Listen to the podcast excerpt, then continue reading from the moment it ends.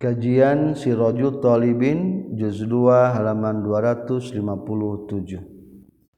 Menempuh jalan toat sulit Kajaba ngariksa tilu anu pokokna. Bismillahirrahmanirrahim. Alhamdulillahirrabbilalamin Allahumma salli wa sallim Wa barik ala sayyidina wa maulana Muhammadi wa alihi wa sahbihi ajma'in. Amma ba'du. Qala al-mu'alifu rahimahullah wa nafa'ana bi'ulumihi. Amin. Ya Allah ya rabbal alamin. Summa alam tuluy kudunya ho anjeun annahu kana satuna kalakuan jeung tingkah layat ta'ata henteu gampang laka pikeun anjeun naon suluku hadhihi tariq nempuh ieu jalan. Ngambah ieu jalan teu sulit teu mudah. Wa hamlu hadhihi nafsi jeung mawana ieu nafsi aljamuhi anu giras. anu mangperung. Alkasla anu kedul. Anil khairi cultina kahadean bizdina bil mahbubi ku ngajauhan ulipika cintana ingdaha munggu itu nafsu. Waktu sabit taati jeung ngalakonan pirang-pirang toat as-sakilati anu berat aliha kana nafsu. Illa bitahaffuzi kajaba ku ngariksa bisalasati usulin kana tilu pirang-pirang pokok. watazakuri jeung kajaba ku nginget-nginget laha kana salasati usulin ala sabili dawami netepan kana jalan langgang. Min guari fatratin bari henteu pegat wala ghaflatin jeung henteu poho. Ahadu hari salasa hijina itu salasa usulin. Kahiji zikru awa aqwalihi ta'ala. Eta nginget-nginget dawuhan Allah ta'ala subhanahu fitar gibi dina ngararesep wa tarhibi jeung nyingsieunan wasani jeung ari nu kaduana zikru af'alihi eta nginget-inget padamelan Allah subhanahu fil akhdi dina nyiksa wal afi jeung ngahambura. Wasalisu jeung ari nu katiluna zikru jazaihi eta nginget-inget balasan Allah lil ibadi kapikeun pirang-pirang hamba fil ma'adi di akhirat minas sawabi nyatana tina ayana ganjaran wal iqabi jeung siksaan. watafsilu kulli faslin jeung ngawincik sakabeh pasal minha tina itu salah satu usulin yahtaju mika butuh itu tafsir. Sareng ari ngawincikna sakabeh pasal tina eta salah satu usulin yahtaju eta mika butuh itu tafsil ila suhufin kathirah kana pirang-pirang lembaran-lembaran kitab anu loba. Wali ajliha jeung karena arah-arahna itu salah satu usulin sonnafna kesengarang kami kitab tanbihul ghafilin karena kitab tanbihul ghafilin. Wa nahnu jeung ari urang sadaya nusyiru eta isarah urang sadaya fi hadal kitabi dina ieu kitab ila kalimatin kana pirang-pirang kalimat. Tuqifu anu ngadagokeun itu kalimat alal maksudi kana dimaksud. insya Allah azza wa jalla wallahu waliyut taufiq wallahu waliyut taufiq ari Allah nu ngagaduhan taufik membahas tiga pokok supaya mempermudah orang menempuh taat supaya bisa mengendalikan nafsu. Al aslul awal ari anu pokok nu kahiji aku haluhu etang ingat-ingat dawan Allah subhanahu wa ta'ala. anu berkaitan tentang targib dan tarhib. Tadabar kudu mikir-mikir anjen ayyuhar rajulu helalaki maka na perkara fil kitabil aziz anu tetap bina kitab anu mulia. Min ayat targib nyatana tina pirang-pirang ayat ngararesep wa tarhibi jeung nyingsieunan wa tarjiyah jeung ngarojakeun wa takhwifi jeung ngahaopkeun. Famin ayatir rajai maka itu tetap tina ayat roja qaluhu ta'ala idawan Allah ta'ala. La taqnatu min rahmatillah innallaha yaghfiru dzunuba jami'a. La taqnatu la putus asa maneh kabeh min rahmatillah tina rahmat Allah. Innallaha sesuna Allah yaghfiru tengah hampura Allah. Az-dzunuba kana pirang-pirang dosa jami'an sakabehna. Wa may yaghfiru dzunuba illallah وغافر الذنب وقابل التوب وهو الذي يقبل التوبة عن عباده ويعفو عن السيئات. Dua ayat. waman jeung ari sahadatna yagfiru anu ngahampura itu man az-zunuba. waman jeung teu aya dat yagfiru anu ngahampura az-zunuba kana pirang-pirang dosa illallahu angin Gusti Allah. ghafiruz zambi ari Allah eta nu ngahampura kana dosa. Wa qabilut tabi sareng eta anu nampi kana taubat. Wa huwa sareng ari Allah allazi eta zat yaqbalu nu nampi ieu ladzi at-tauba kana kana taubat an ibadi ti hambana ieu ladzi. Wa ya'fu jeung hampura ieu ladzi anis sayiati tina pirang-pirang kagorengan. Kataba rabbukum ala nafsihir rahmah kata bagus ngamistikan sarobukum pangaran meraneh kabeh. Ala nafsi kana zatna itu rabbu ar-rahmata kana masihan rahmat. Wa rahmati wasi'at kulla syai'in fasa'aktubuha lillazina yattaqun. Wa rahmati jeung ai rahmat kaula wasi'at eta ngalegaan itu rahmati kulla syai'in kana sakabeh perkara. Fasaar tubuh makarek kaulaha kana eta rahmati lil ladina pikeun jalma-jalma yattaquna nu taqwa ieu ladzina. Innallaha minna silaraufur rahim. Innallaha sayyiduna Allah binasika jalma-jalma la raufun tayakin anu welas arrahim anu asih. Wa kana bil mu'minina rahima. wakana jeung kabuktian Allah bil mukmina kajjallma-jalma nu mukmin rahima eta nu asih. Fahadzihi maka ari ieu ayat wa nahwuha jeung saumpamana ieu hadih ayatur rajai eta pirang-pirang ayat. Roja matak ngarepkeun. Wa min ayatil khafi jeung eta tetep tina sebagian pirang-pirang ayat nyingsieunan wasiasati jeung tentang pelaturan. Qaluhu ta'ala aidahun Allah ta'ala. Ya ibani fattaqun. Hei hamba-hamba kami kudu takwa maneh kabeh ka kami. Afa hasibtum annama khalaqnakum abathan wa annakum ilaina la turja'un. Afa hasibtum nah, nyangka maneh kabeh annama khalaqna pasti nyiptakan kami kum kamaneh kabe abasan kana heureuh-heureyan wa annakum yasaytuna man kabe ka kami la turja'un mal dibalikeun maraneh kabe ayahsabul insanu an yutraka suda. Ayah sabu nah nyangka sal insanu manusia ayutraka kana yen diantepkeun itu insan. Sudah barina dianggurkeun. Emang mal aya perhitungan gitu jalma teh di diabaikan? Ih setiap detik menit dia mawa hisaban lain sabi amanikum wala amani ahlil kitab. Laisa lain itu ma wa'adallah. Bi amaniyikum eta pangarep-ngarep maraneh kabeh. Wala amani ahlil kitab jeung lain pangarep-ngarep ahlul kitab.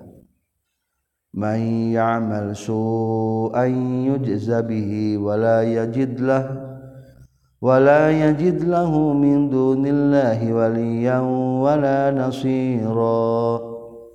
Man ari sahajal mana ya'mal nu ngalakukeun itu man su'an kana kagorengan yujza tah bakal ibal situ man bihi itu su'an. wala yajid jeung mal manggihan iman lahu pikeun tusuan min dunillah disalian ti Allah walian kana ngurus. Wala nasiron jeung teu aya anu nulungan. Wa hum yahsabuna annahum yuhsinuna sun'a. Wa hum jeung ari kaum-kaum yahsabuna tanyangka itu kaum annahum satuna kaum-kaum yuhsinuna tangaluskeun itu kaum-kaum sun'an kana pagabean.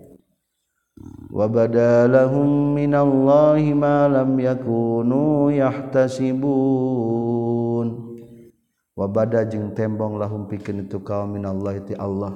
Non ma perkara lam yakunu untuk kabuktian itu kaum yahtasibun eta nyangka itu kaum-kaum.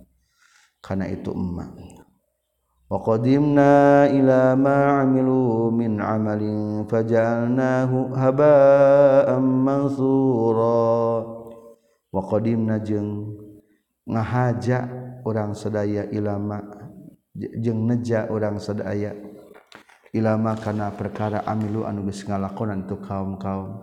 Min amalin tina amal. Faja'alna maka ngajadikeun kami Allahu. Kana itu amal habaan kana lebur mansura nu diawurkeun. nasalu nyuhunkeun urang sadaya ka Allah taala ayu salima muga nyalametkeun Allah na ka urang sadaya bi rahmati ku rahmat Allah.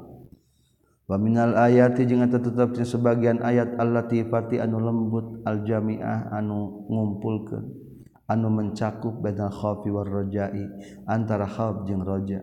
Qaluhu ta'ala aidawhan Allah ta'ala. Nabi ibadi anni anal ghafurur rahim. Nabi kudu ngabejakeun anjeun ibadi ka pirang-pirang hamba kami. Anni kana satuna kami ana tegasna kami.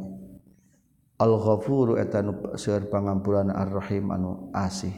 Ieu mah ngarojakeun nya summa qala teras nyaurkeun Allah fi aqibina sabadana ieu qauluhu ta'ala. Wanazabi Wal azabul Alim kadituna aya takhwif ayaahwif wa anna azabi jenesteuna siksaan ti kami. Itu azabi al-azabul Alim. Eta siksaan anu nyeri. Li alla yastaula supaya ngalindih alika ka anjeun naon arroja uroja bimarrah kalawan sakaligus. Dina sakaligus. waqaluhu ta'ala jeung lawan Allah ta'ala syadidul inqab pertamana berarti khauf ieu mah.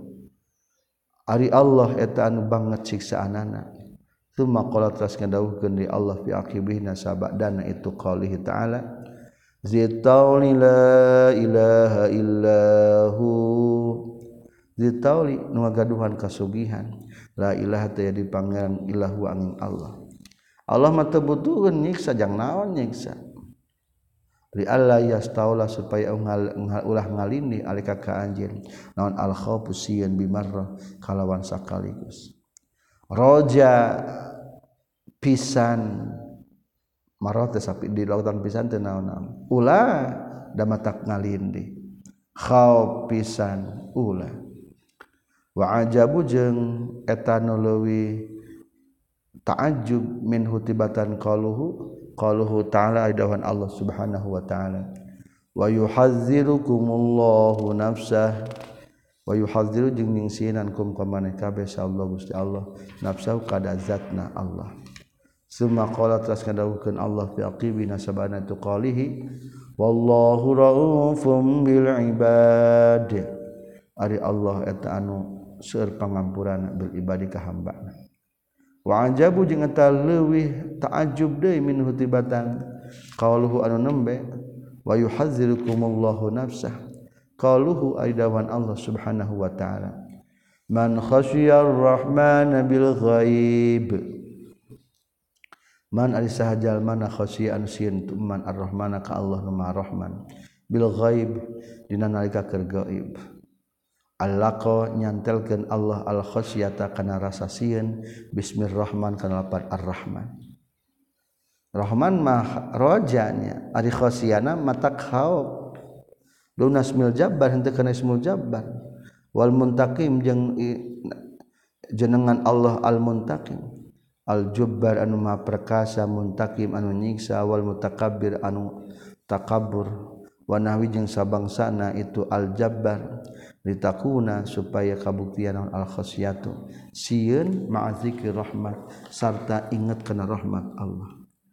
Fala takunu maka kabuktian naon al khasyatu sieun tutiru eta mata ngawurkeun itu khasyah qalbaka kana hati anjeun bimar kalawan sakaligus fayakunu maka kabuktian itu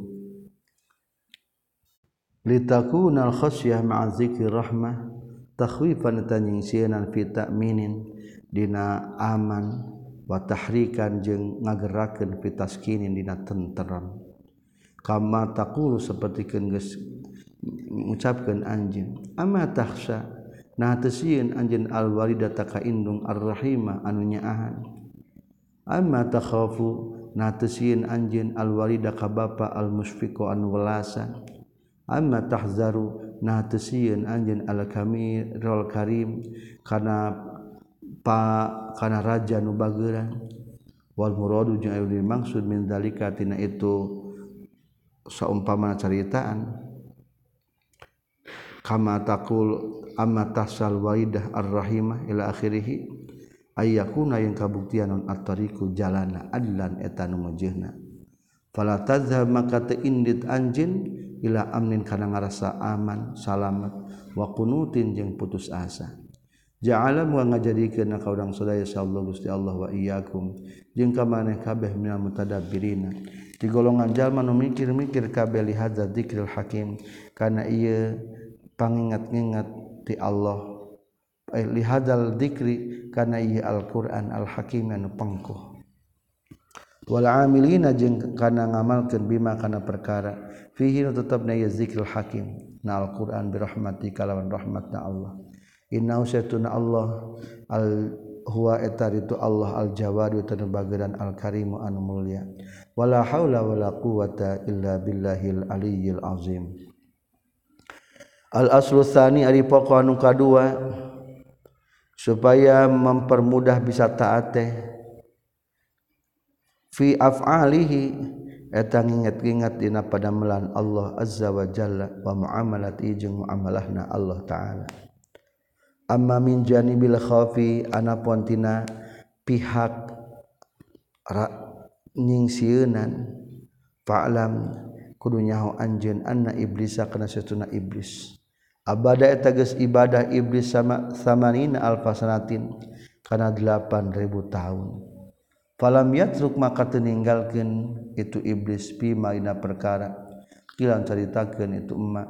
Maudi aqdamin satempat sa suku sadampal suku illa wasajada kajaba sujud itu iblis lillahi ta'ala ka Allah ta'ala. Fi maudi aqdamin tempat sasuku sadampal suku. Sajdatan kena sujud. Summa taraka ninggalkeun itu iblis. Amran wahidan kana perintah anu sahiji. Patoroda tuluy nundung Allahu ka itu iblis. An babihi tina pintu rahmatna Allah wadoroba jeung ngajadikeun Allah biwajihi kana perjalanan ibnu iblis iblis ibadat samanina alfasana. Kada ibadah 80 ribu tahun. Wala'ana jeung muga ngalakna tu ka tu iblis Allah ka tu iblis. Ila yaumil din nepi ka kiamat. Poean pembalasan. Wa ada jeung ngancam Allah atau nyawiskan Allah lahu pikeun iblis azaban kana siksaan aliman anu nyeri. Ila abadil abidin nepi ka langgengna anu langgeng kabeh. Tingali muamalah Allah kudu sieun eta iblis ibadah teh 80 ribu tahun ya Allah. Eueuh sejengkal tanah cek bahasa urang ari dia mah eueuh se setelapak kaki dipakai sujud sujud bay iblis. Tapi ternyata Anggereta dalam satu perintah tidak sujud ke Nabi Adam menolak akhirnya tidinya dilaknat iblis tapi ke hari kiamat. Hattaruya sehingga diriwayat ke naon anna sadiqa. Saestuna kanyang nabi anu bener al-aminan kepercaya Shalawatullahi ay rahmat Allah tepakan yang Nabi as-sadiqal amin. Wassalamu jeung salamna Allah. Roa ningali as-sadiqal amin Jibril kaun Nabi Jibril alaihi salam. Muta'alliqan bari anu muntang biastaril Ka'bah kana tutup-tutup Ka'bah.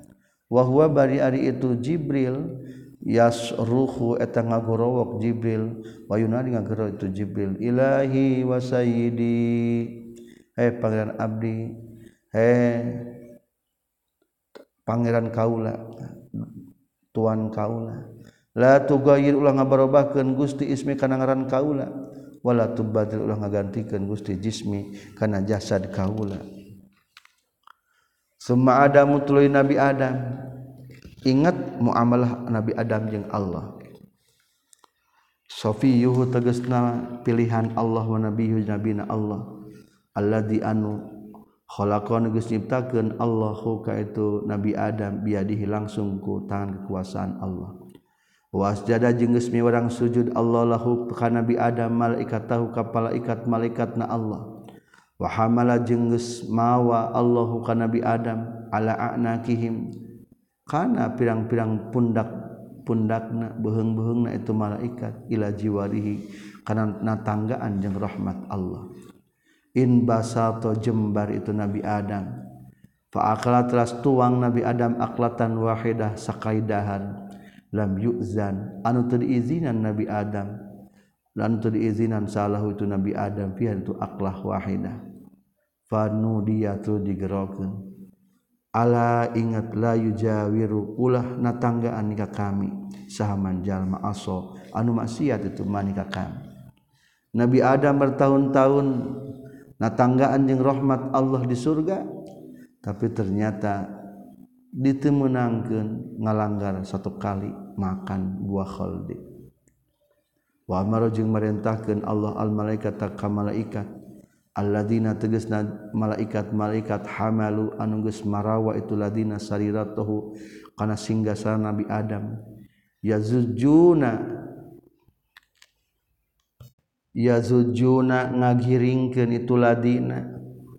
Malaikat-malaikat teh ku ka Nabi Adamin sama inti langit ila sama in kalangit di langit digiringkeun deui digiringkeun deui digiringkeun deui. Beuki turun bagi kahandap hatta alqau sehingga nibakeun itu ladina. Nya malaikat-malaikat ya huka Nabi Adam bil ardi di muka bumi. Walam yakbal jeung teu nampi Allah taubat-taukan taubatna Allah. Fi maina perkara ruwian riwayatkeun itu ma hatta baka sehingga nangis Nabi Adam. Ala zalika kana itu aklatan wahidah mi'ata sanatin kana 200 tahun. Jeng nyusulan huka itu nabi Adam nyal hawanitina hina wal bala ijeng balai. Non ma perkara lahi nyusul itu mahukan nabi Adam. Wabakiyat jeng tumatep sahaduriyatu turunan-turunan Adam. Fitabiati zalika dina tungtutan itu dosa. Ditulis dosa. Alal abadi salawasna itulah kisah Nabi Adam muamalah jeung Allah. Summa inna nuhan dulu saytuna Nabi Nuh alaihi salam syekhul mursalin tegasna guru na para utusan. Salawatullahi ay rahmat Allah wasallamu jeung salamna Allah alaihi tetep ka Nabi Nuh wa alaihim jeung ka itu para rusul ajma'ina sadayana alladzina anu ihtamal anu geus nanggung itu Nabi Nuh bi amri dinihi nadul urusan agama Nabi Nuh. Maka perkara ihtamala nanggung itu Nabi Nuh. Lambiakul tengah dawukeun itu Nabi Nuh ila kalimatan wahidah. Kajaba kana ucapan anu hiji. Ala ghairi wajihana tepan salian ti jalan itu kalimatan wahidah. Iznu dia dina nalika digerokeun. Fala tas'alni ma laisa laka bihi ilmun. Fala tas'al maka menta anjin atau lah nanyakeun nikah kami makana perkara lesa anu henteu aya lakapikeun anjeun bihi kana ieu emak naon ilmun nyaho. Ulah sok nanyakeun ulah sok menta anu teu apal anjeun? Kunaon kan an putrana ditenggelamkan? Atau kunaon umatna? Temang tetanya baik ini sesuna kami aiz wa kami tutulan kami kakak anjeun. Antakuna supaya yen teu kabuktian anjeun nan jahilan tereng-rengan jalma anu bodoh. hatta ruwiya sehingga diriwayatkan dengan sebagian pirang-pirang hadis annahu saestuna Nabi Nuh lam yarfa teu pernah ngangkatkeun deui itu Nabi Nuh rasahu kana mastakana Nabi Nuh ila sama'i ka langit. Hayaan karena izin minallahi ti Allah arba'ina sanatan dina waktu 40 tahun. Tewantu Nabi Nuh tanggah ka langit. Suma inna Ibrahim atul Nabi Ibrahim Khalilullah tegesna kasih Allah alaihi salam. Lam yakun tekabuktian min huti Ibrahim non illa hafatun kajaba kaluputan wahidatun anu sahiji. Fakam khofa maka mang pirang-pirang gesieun Nabi Ibrahim wa tadarrua. Jeung DPDP na Ibi Ibrahim. Waqala jeung ngadawuhkeun Nabi Ibrahim والذي أطمع an yaghfira li خطيئتي يوم الدين walladzi jeung dat atma'u anu ngarep-ngarep kaula ka itu ladi. Ayag firo kana ngahampura itu ladi lika kaula. Khati'ati kana kasalahan kaula. Yaumaddin dina poe kiamat. Hatta ruwiya sehingga diriwayatkeun naon anna usatun Nabi Ibrahim. Kana eta kabuktian Nabi Ibrahim yabki eta nangis Nabi Ibrahim min syiddatil khaufi tina banget sieuna. Fayursilu maka ngirimkeun sallallahu taala Allah taala. Ilaihi ka Nabi Ibrahim al amin kalau malaikat anu dipercaya Jibrila Alaihissalam tegesna Jibril Alaihi Salam. Payakulu tras ngadauh itu Jibril ya Ibrahim hal roaita naha ningali anjen kholilan ka seorang kekasih. Yuazza yuazibu anu nyiksa itu kekasih Khalil khailah kekasihna itu Khalil binari ku neraka. payaqulu tu ngadawuhkeun itu Jibril itu Ibrahim. Ya Jibril hai Jibril iza zakartu di mana-mana ingat kaula khati'ati kana kasalahan kaula nasitu sok sok poho kaula khullatahu kana kekasihna Allah. Ari Allah teh kekasih anjing aya teu anu mengkhianati kekasihna moal aya. Cek Jibril teh dulu tapi da kuring tadi geus ingat karena kesalahan kaula teh. Manis sok poho. Karena sifat kekasih.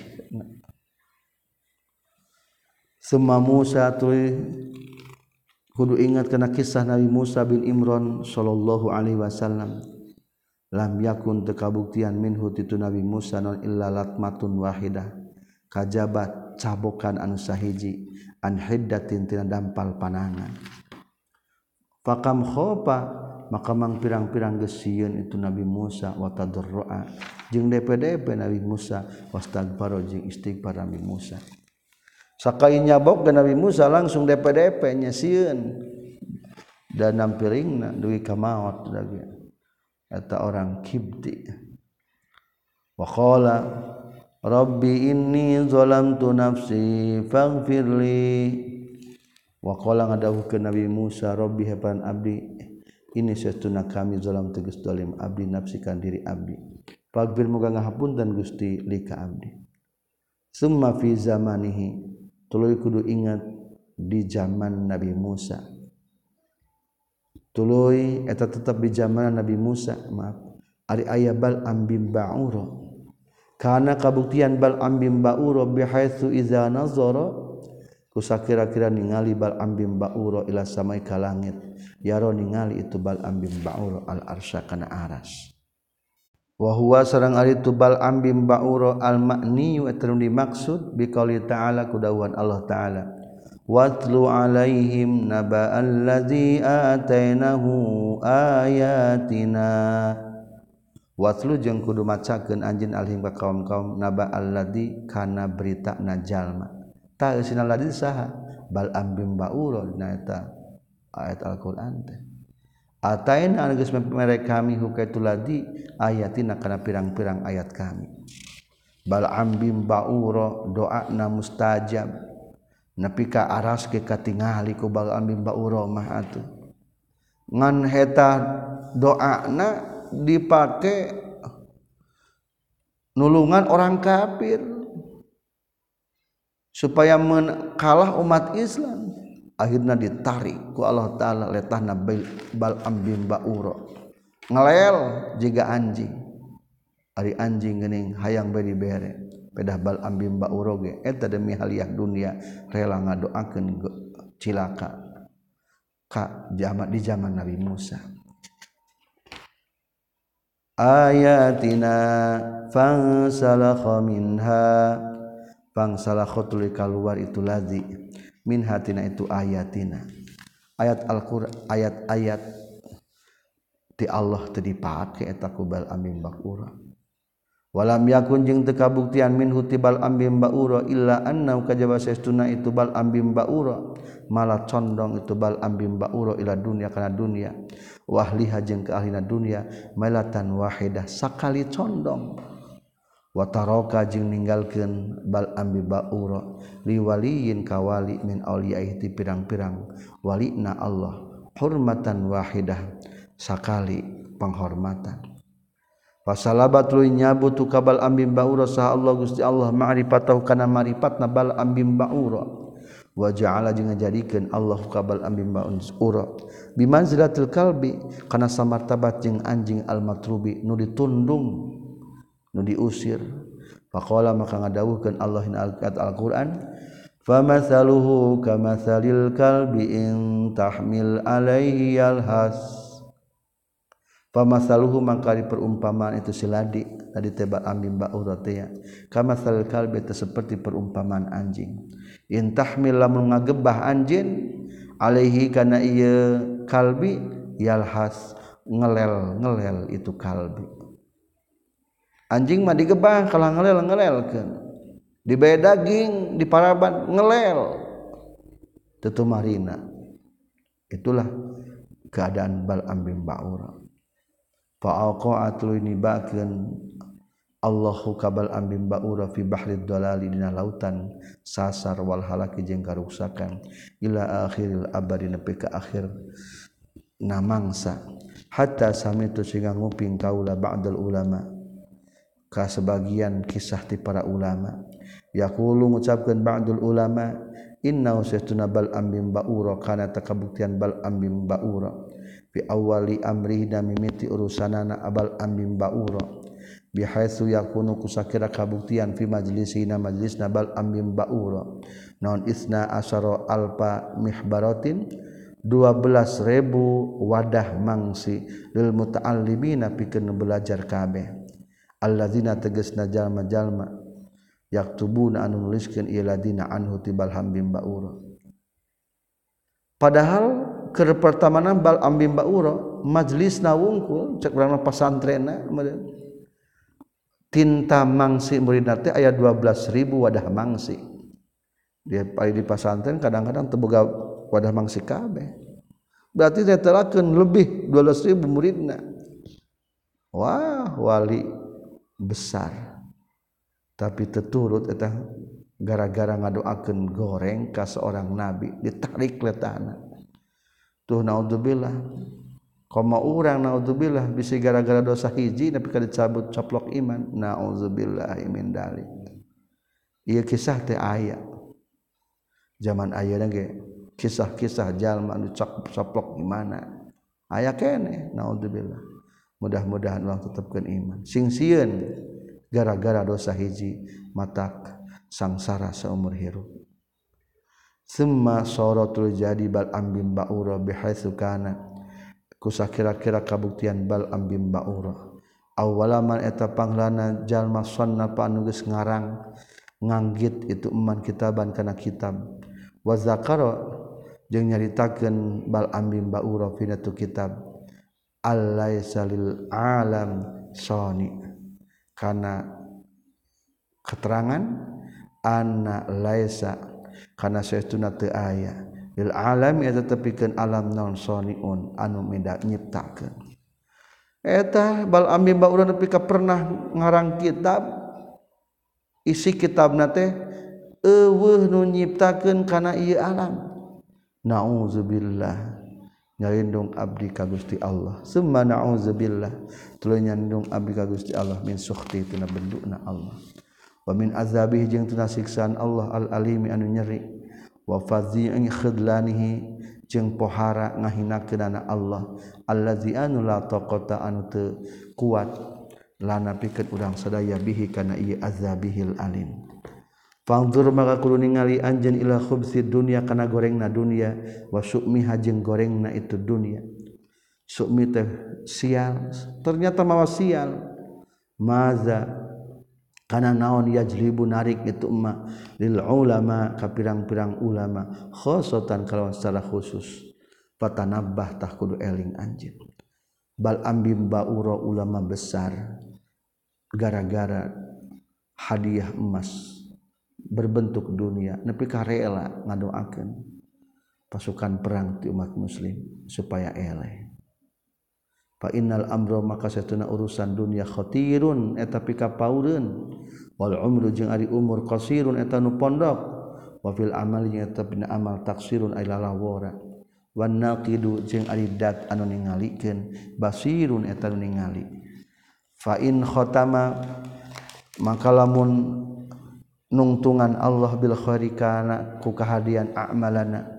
Karena pirang-pedang amal urang sedaya wakola je ngalenyitkan Allah naka urang sedaya asarotina karena pirang-pirang tisoyat urang sedaya pamazalika mangkah hente ari itu khotama bil khair amalana. Alaihi ka Allah bi asirin tanu hese mudah-mudahan urang diakhiri dengan husnul khotimah. selanjutnya summa inna Dawud tulus setuna Nabi Daud alaihi salam khalifatahu tegesna khalifahna Allah. Fi ardihi dina bumi na Allah aznaba dosa Nabi Daud dan ban wahidan kana dosa anu sahiji fabakat ras nangis tu Nabi Daud ala zalika kana dan ban wahidan. Hatta nabata sehingga jadi dan al usbu jukut-jukutan fil ardi di muka bumi min dumu'ihi tina cai panona itu Nabi Dawud. Wakola jeung ngadawuh ke Nabi Dawud Ilahi he pangan abdi amma tarhamu natib mika asih gusti buka ikran cerik na abdi watadharru jeung DPDP na abdi faujibatul dijawab di subadanan Nabi Dawud ya Dawudu he Dawud nasita nah poho anjeun dan bak kadosa anjeun. Wa zakarta jeung nah ingat anjeun buka akak kana cerikna anjeun. Walam yakbal jeung teu nampi Allah taubat tau kana taubat Nabi Dawud arba'ina ina 40 naonana yaman poena. Wakila jeung caritakeun deui arba'ina 40 naona salatan tauna. Nauzubillahi min daliknya. Eta seorang walid nabi. Komo teuing urang jalma biasa ya Allah. Tapi lamun urang menang dugraha Allah mah bakal dihapunten Suma inna Yunus sana tulus Nabi Yunus. Nabi Yahud tegesan Nabi na Allah alaihi salam. Ghadiba bendu itu Nabi Yunus ghadbatan wahidah.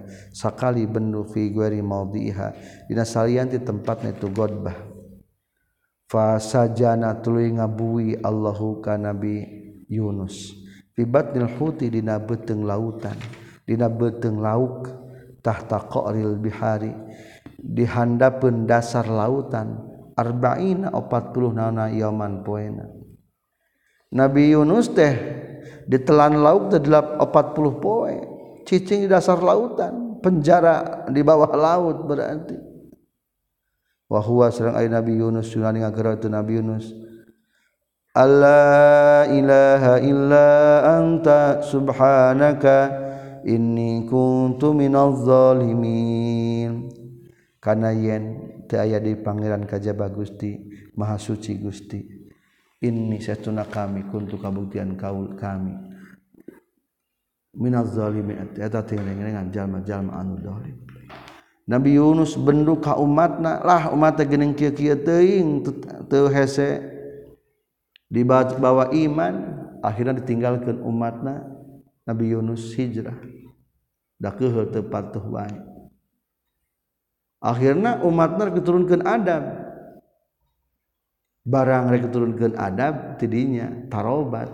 Maka diterima tabatna umat-umatna. Sementara ada Nabi Yunus terus kapamang keluar. Maka Nabi Yunus nari hukum ke Allah Ta'ala. Dabongan keluar ti eta daerah tanpa ya izin ti Allah.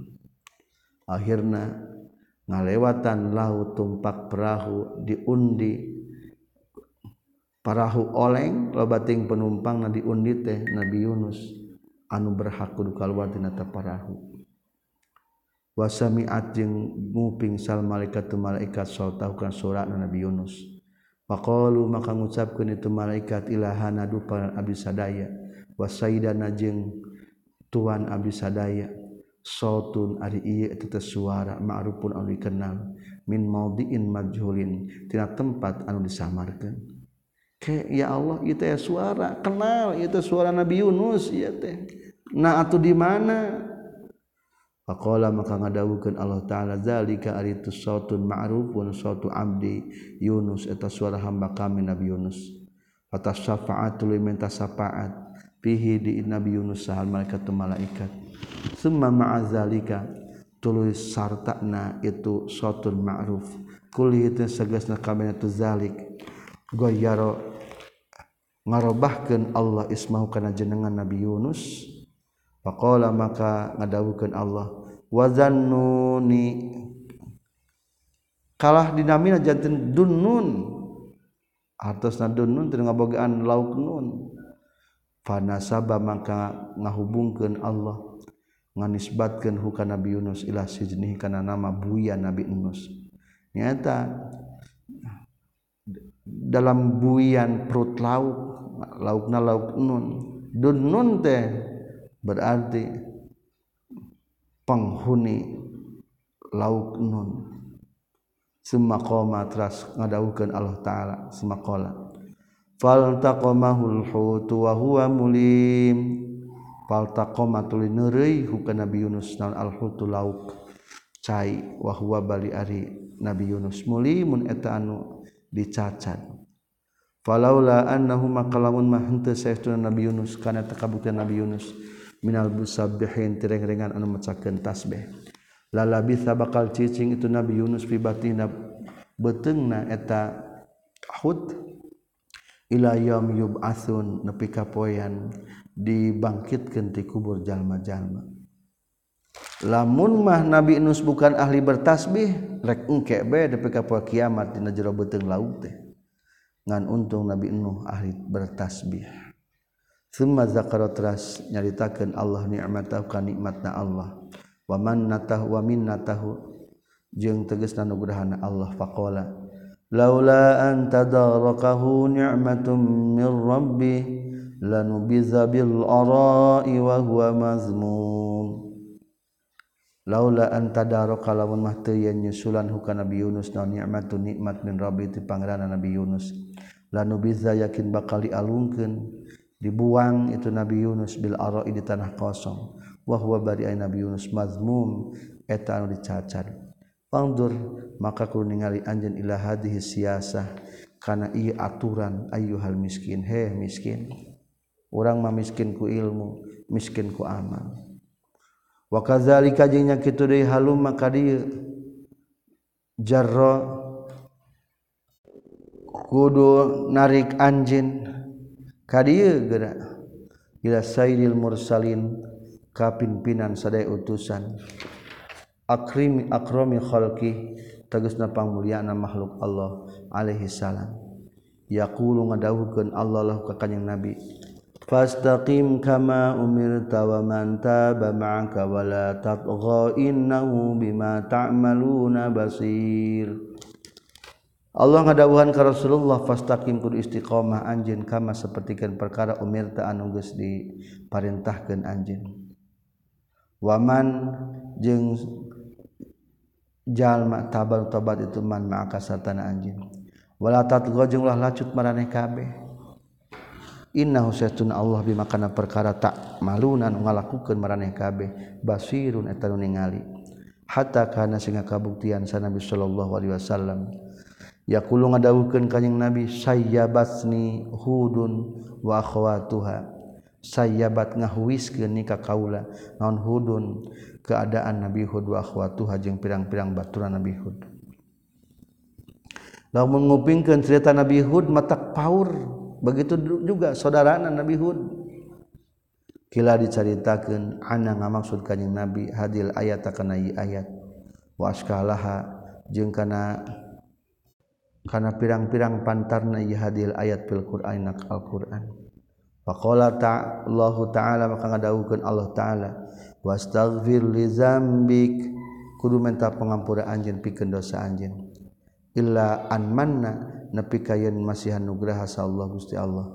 Alaihi ka kanjing Nabi bil kufran iku pangampura faqala teras ngadawuhkeun Allah wa wada'na anka wizrak allazi anqadha dhahrak wa wada'na jeung geus ngahampura kami Allah. Anka ti anjeun wizraka kana dosa anjeun. Allazi anu anqadha anu ngaberatkeun iladi dhahraka kana tonggong anjeun.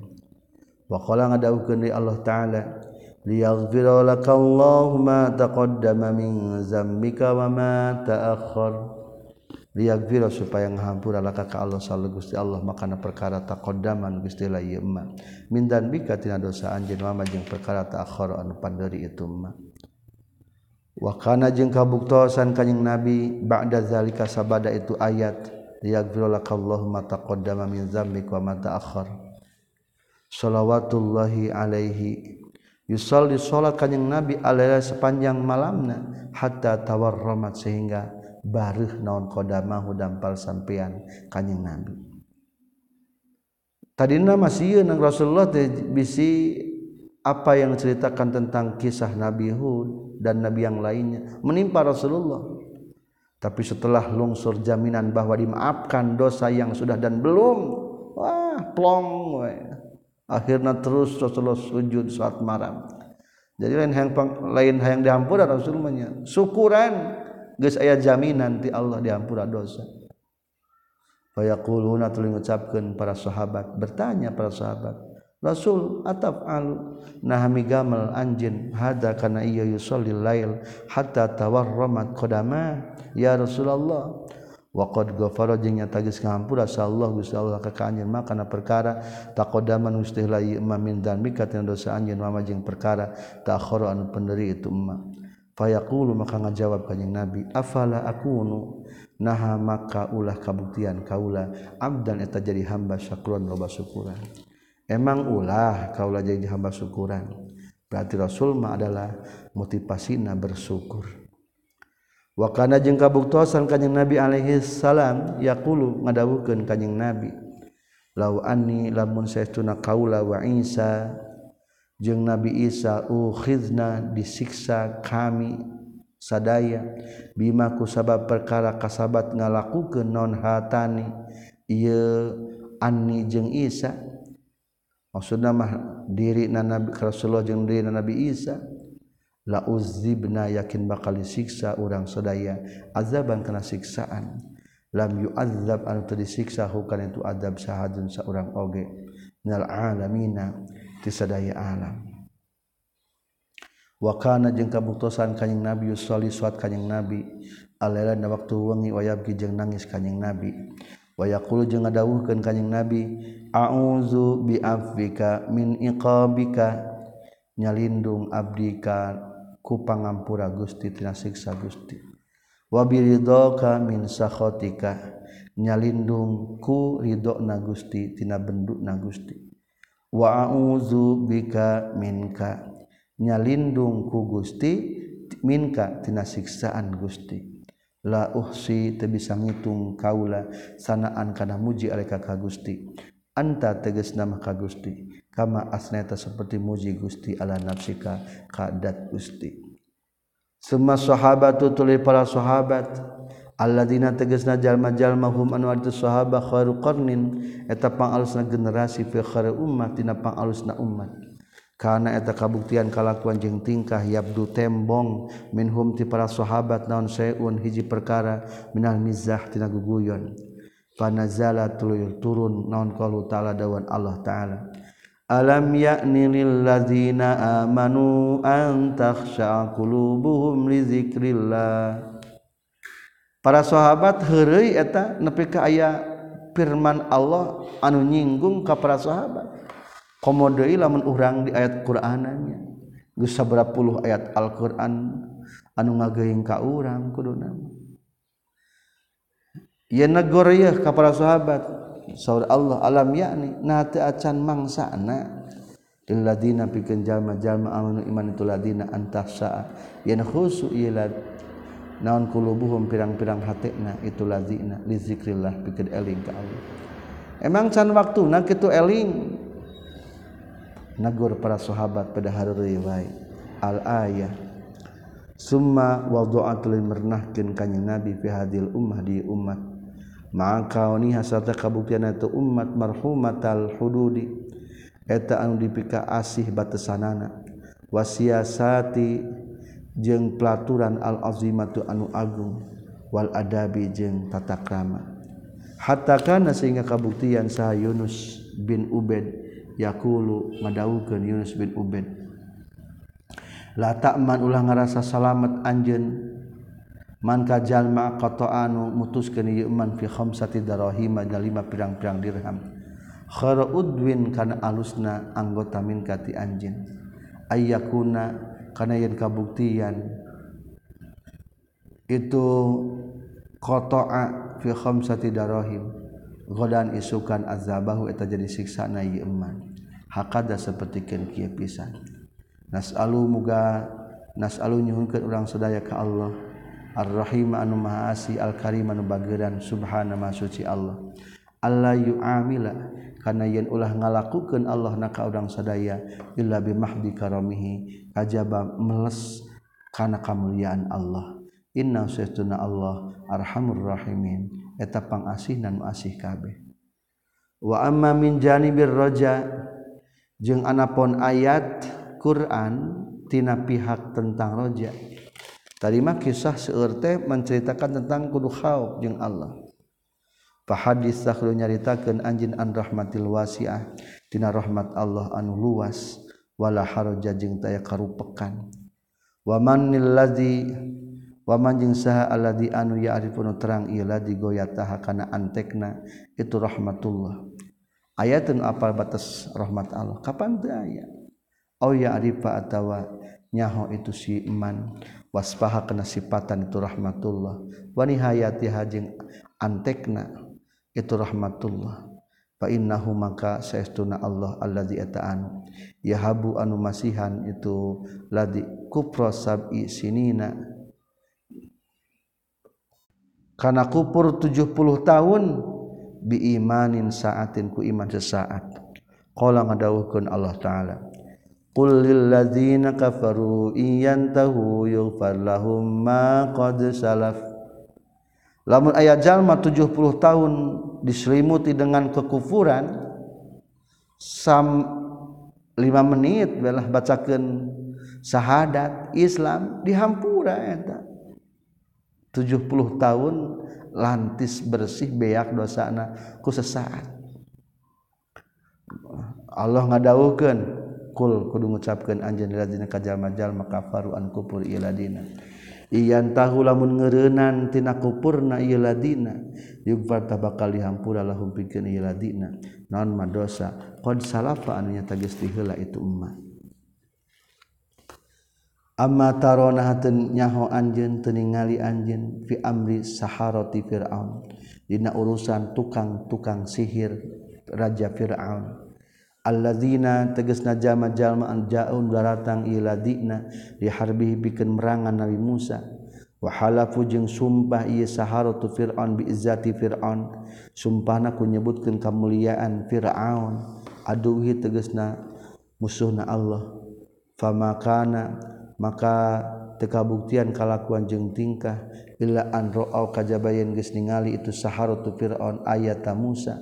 Kana tanda-tanda keagungan Nabi Musa alaihissalam fa'arafu tuluy ngaku kenal mengetahui itu saharatu fir'aun.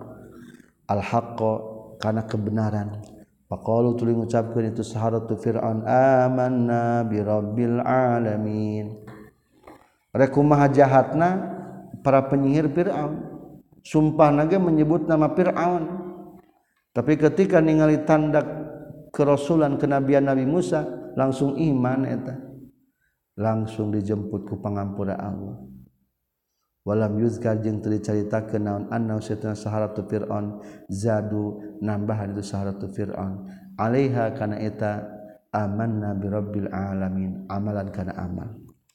Sumang dulu tuliku ningali anjin kaifa kumaha karoroges mulak malik Allah dikrahum kana nyaritakeun saharatu fir'aun fi maknal madhi dina makna muji fi kitabihi dan kitabna Allah al azizi anu mulia wakam kaba iro jeung mang pirang-pirang dosa badag wasogo iro jeung pirang-pirang dosa letik goparo ngahampura hakana kaba iro wasogo iro lahum pikeun itu saharatu fir'aun. Bi imani sa'atin ku iman sesaat saat jam asal logatna. Balah dotin balik ta sakedeung fama qalu maka tepati-pati ngucapkeun itu si saharatu fir'aun illa an amanna kajaba kana lapan an amanna bi rabbil alamin. Iman abdi sadaya ka para sadaya alam. Eta ucapan teh kaluarna an syirkil qulubi tina benerna pirang-pirang hate. Kaifa kuma qabila narima allahum ka itu saharatu fir'an wa wahaba jeung masihan pangampura Allah. Lahum ka itu fir saharatu fir'an jami'ama kada sakabeh perkara salapan Gusti heula ieu mah summa kaifa ja'ala? Tuluy kumaha geus ngajadikeun Allahum ka saharatu fir'aun ru'usas syuhada kana pemimpin-pemimpin para syuhada fil jannah di surga abadal abidin. Salawas salawasna. Kalawan salawas salawasna. Akhirnya ta tukang nyihir teh iman ka Nabi Musa tapi anggar disiksa pika suhada. Atuh jadi para pemimpin-pemimpin ahli suhada. Eta penyihir Fir'aun teh. Pahada maka ari hal tingkah haluman eta tingkah najal ma'arupa nu terang itu manhu ka Allah. Bahwa hada jeung nauhidkeun itu manhu ka Allah. Saatan sesaat. Ba'da kulli zalika sihri sabada sakabeh itu nyihir wal kufri jeung kufur wa dolal jeung sasar wal falasadi jeung karuksakan. Fa kaifa maka eta kumaha? Haluman ari tingkana jalma afna anu miyakeun itu man umrohu kana umurna ieu man. Fi tauhidih na tauhidna ka Allah. Alhamdulillah urang mah nya saumur-umur masih kena bertauhid. Dalam artian tentu lebih mudah untuk dimaafkan. Cacak-cacak para penyihir Fir'aun ge sakit tu bertahun-tahun dengan kufur kesesatan kerusakan di hampura kamode orang, cek orang nama cek jiwa husnuzan mah jiwa rojakna wala yaro jeung teu itu man dizalika kana itu tauhid ahlan kana ahli fiddaro ini dua lembur. Gwarahu salianti Allah. Ama tarona hatenya anjin ashabal kafika ka penghuni guha. Wama perkara kanun kabuktian itu ashabul kahfi ahli kana yema minal kupri tina kupur tula a'marihim. Sepanjang umurna itu ashabul kahfi. Maka Allah ngadawuhkeun iz qamu faqalu rabbuna rabbus samawati wal ard lan nad'u min dunihi ilaha. Iz qamu dina ngaradeg itu ashabul kahfi faqalu tuluy ngucapkeun ashabul kahfi. Rabbuna ari pangeran urang sedaya rabbus samawati ta pangeran langit wal ardi jeung bumi. Lan nad'uwa muarek nyembah kami sadaya min dunihi tisalianti itu rabbus samawati wal ardi. Ilahan ka pangeran sejen wal taja'u jeung nyalindung ashabul kahfi ilahi ka Allah. Kaifa kumaha qabila geus nampi Allahum ka itu ashabul kahfi? wawahaba jengges masihan pangampura Allahum kashabul kahfi. Summa a'azza tuluy ngamuliakeun Allahum katu ashabul kahfi. Wa akrama jeung ngamuliakeun Allahum katu ashabul kahfi. Di mereka muliaan ashabul kahfi? Ku sakitu ge rabbuna rabbus samawati. Bahkan termasuk waliullah. Wa nuqallibuhum zatal yamini wa zatal shimal.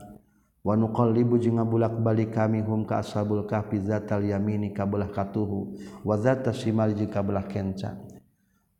Sare 300 tahun tapi henteu matak digurumut kurinyu soalna dibulak-balik ku Allah kabelah kanan kabelah kenca kabelah kanan kabelah kenca. Jika dalam itu dibulak-balik mah bakal biak kurinyu tubuhna tapi henteunya. Wa kaifa azama jeung kumaha ngagungkeun Allah lahum ka ashabul kahfi alhurmata kana ngamuliakeunana wal basa jeung geus makean Allahum kasabul kahfi al mahaba kana isin wal khosyata jeung kana sieun. Hatta yaqulu sehingga ngadawuhkeun Allah li akramil khalqi ka pangmulyana makhluk yakni kanjeng Nabi sallallahu alaihi wasallam. Alaihi mungguh Allah. Dalam Al-Qur'an lawit tola'ta alaihim lawallaita minhum firara wala mulita minhum ru'ba lawit tola'ta lamun mah ningali anjeun he Muhammad alaihim ka ashabul kahfi. Lawallaita yakin bakal ngajauhan anjeun minhum ti itu ashabul kahfi. Saking haibahna eta tempat gua ashabul kahfi mata teu anu nyorang kadinya lamun anjeun kadinya be andaikan da mata ajri sieun keung. Tah ku Allah eta. Firaron bari anu kabur. Wala mulita jeung bakal pinuhan anjeun minhum ti ashabul kahfi. Naon ru'ban sieun bal kaifa akrama? Balik takumah geus ngamuliakeun Allah. Kalban kana anjing tabia. Nunuturkeun itu kalban hum ka ashabul kahfi. Hatta zakaro sehingga nyaritakan Allahum ka itu kalban fi kitabih na kitabna Allah al azizi anu mulia marrotin kana pirang-pirang kali balikan. Summa ja'ala tuluy ngajadikeun Allahu kana itu kalban ma'ahum satan ashabul kahfi fi dunya di dunia mahjuron anu disangkal.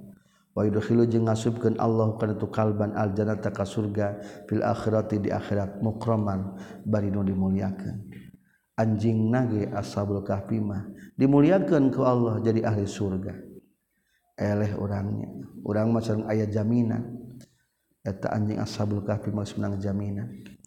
Fahada mangka yudkhilul jannah fil akhirah fadluhu eta kurnia Allah ma'akal bin sarta anjing khoton anu ngalengkah khutuatin karena pirang-pirang lengkah ma'aqomin sarta kaum-kaum. Arabu anuges kenal itu kaum huka Allah. Wawahadu jeung nauhidkeun itu kaum huka Allah. Ayam manina pirang-pirang poe ma'adu datat anu diitung. Min gori ibadah bari henteu ibadah al khidmah atawa ngaladin. Fa kaifa maka eta kumaha fadlu kurnia Allah. Ma'abdihil mu'min sarta hamba Allah anu iman alladzi anu. Khodaman geus ngaladen itu ladzi huka Allah. Wawahada jeung nauhidkeun Allah. itu ladi huka Allah. Wa abada jeung ibadah ieu ladi. Maksud ladi teh abdahul mukmin huka Allah. 70 da 70 na salatan tauna wa kaifa jeung kumaha law asa.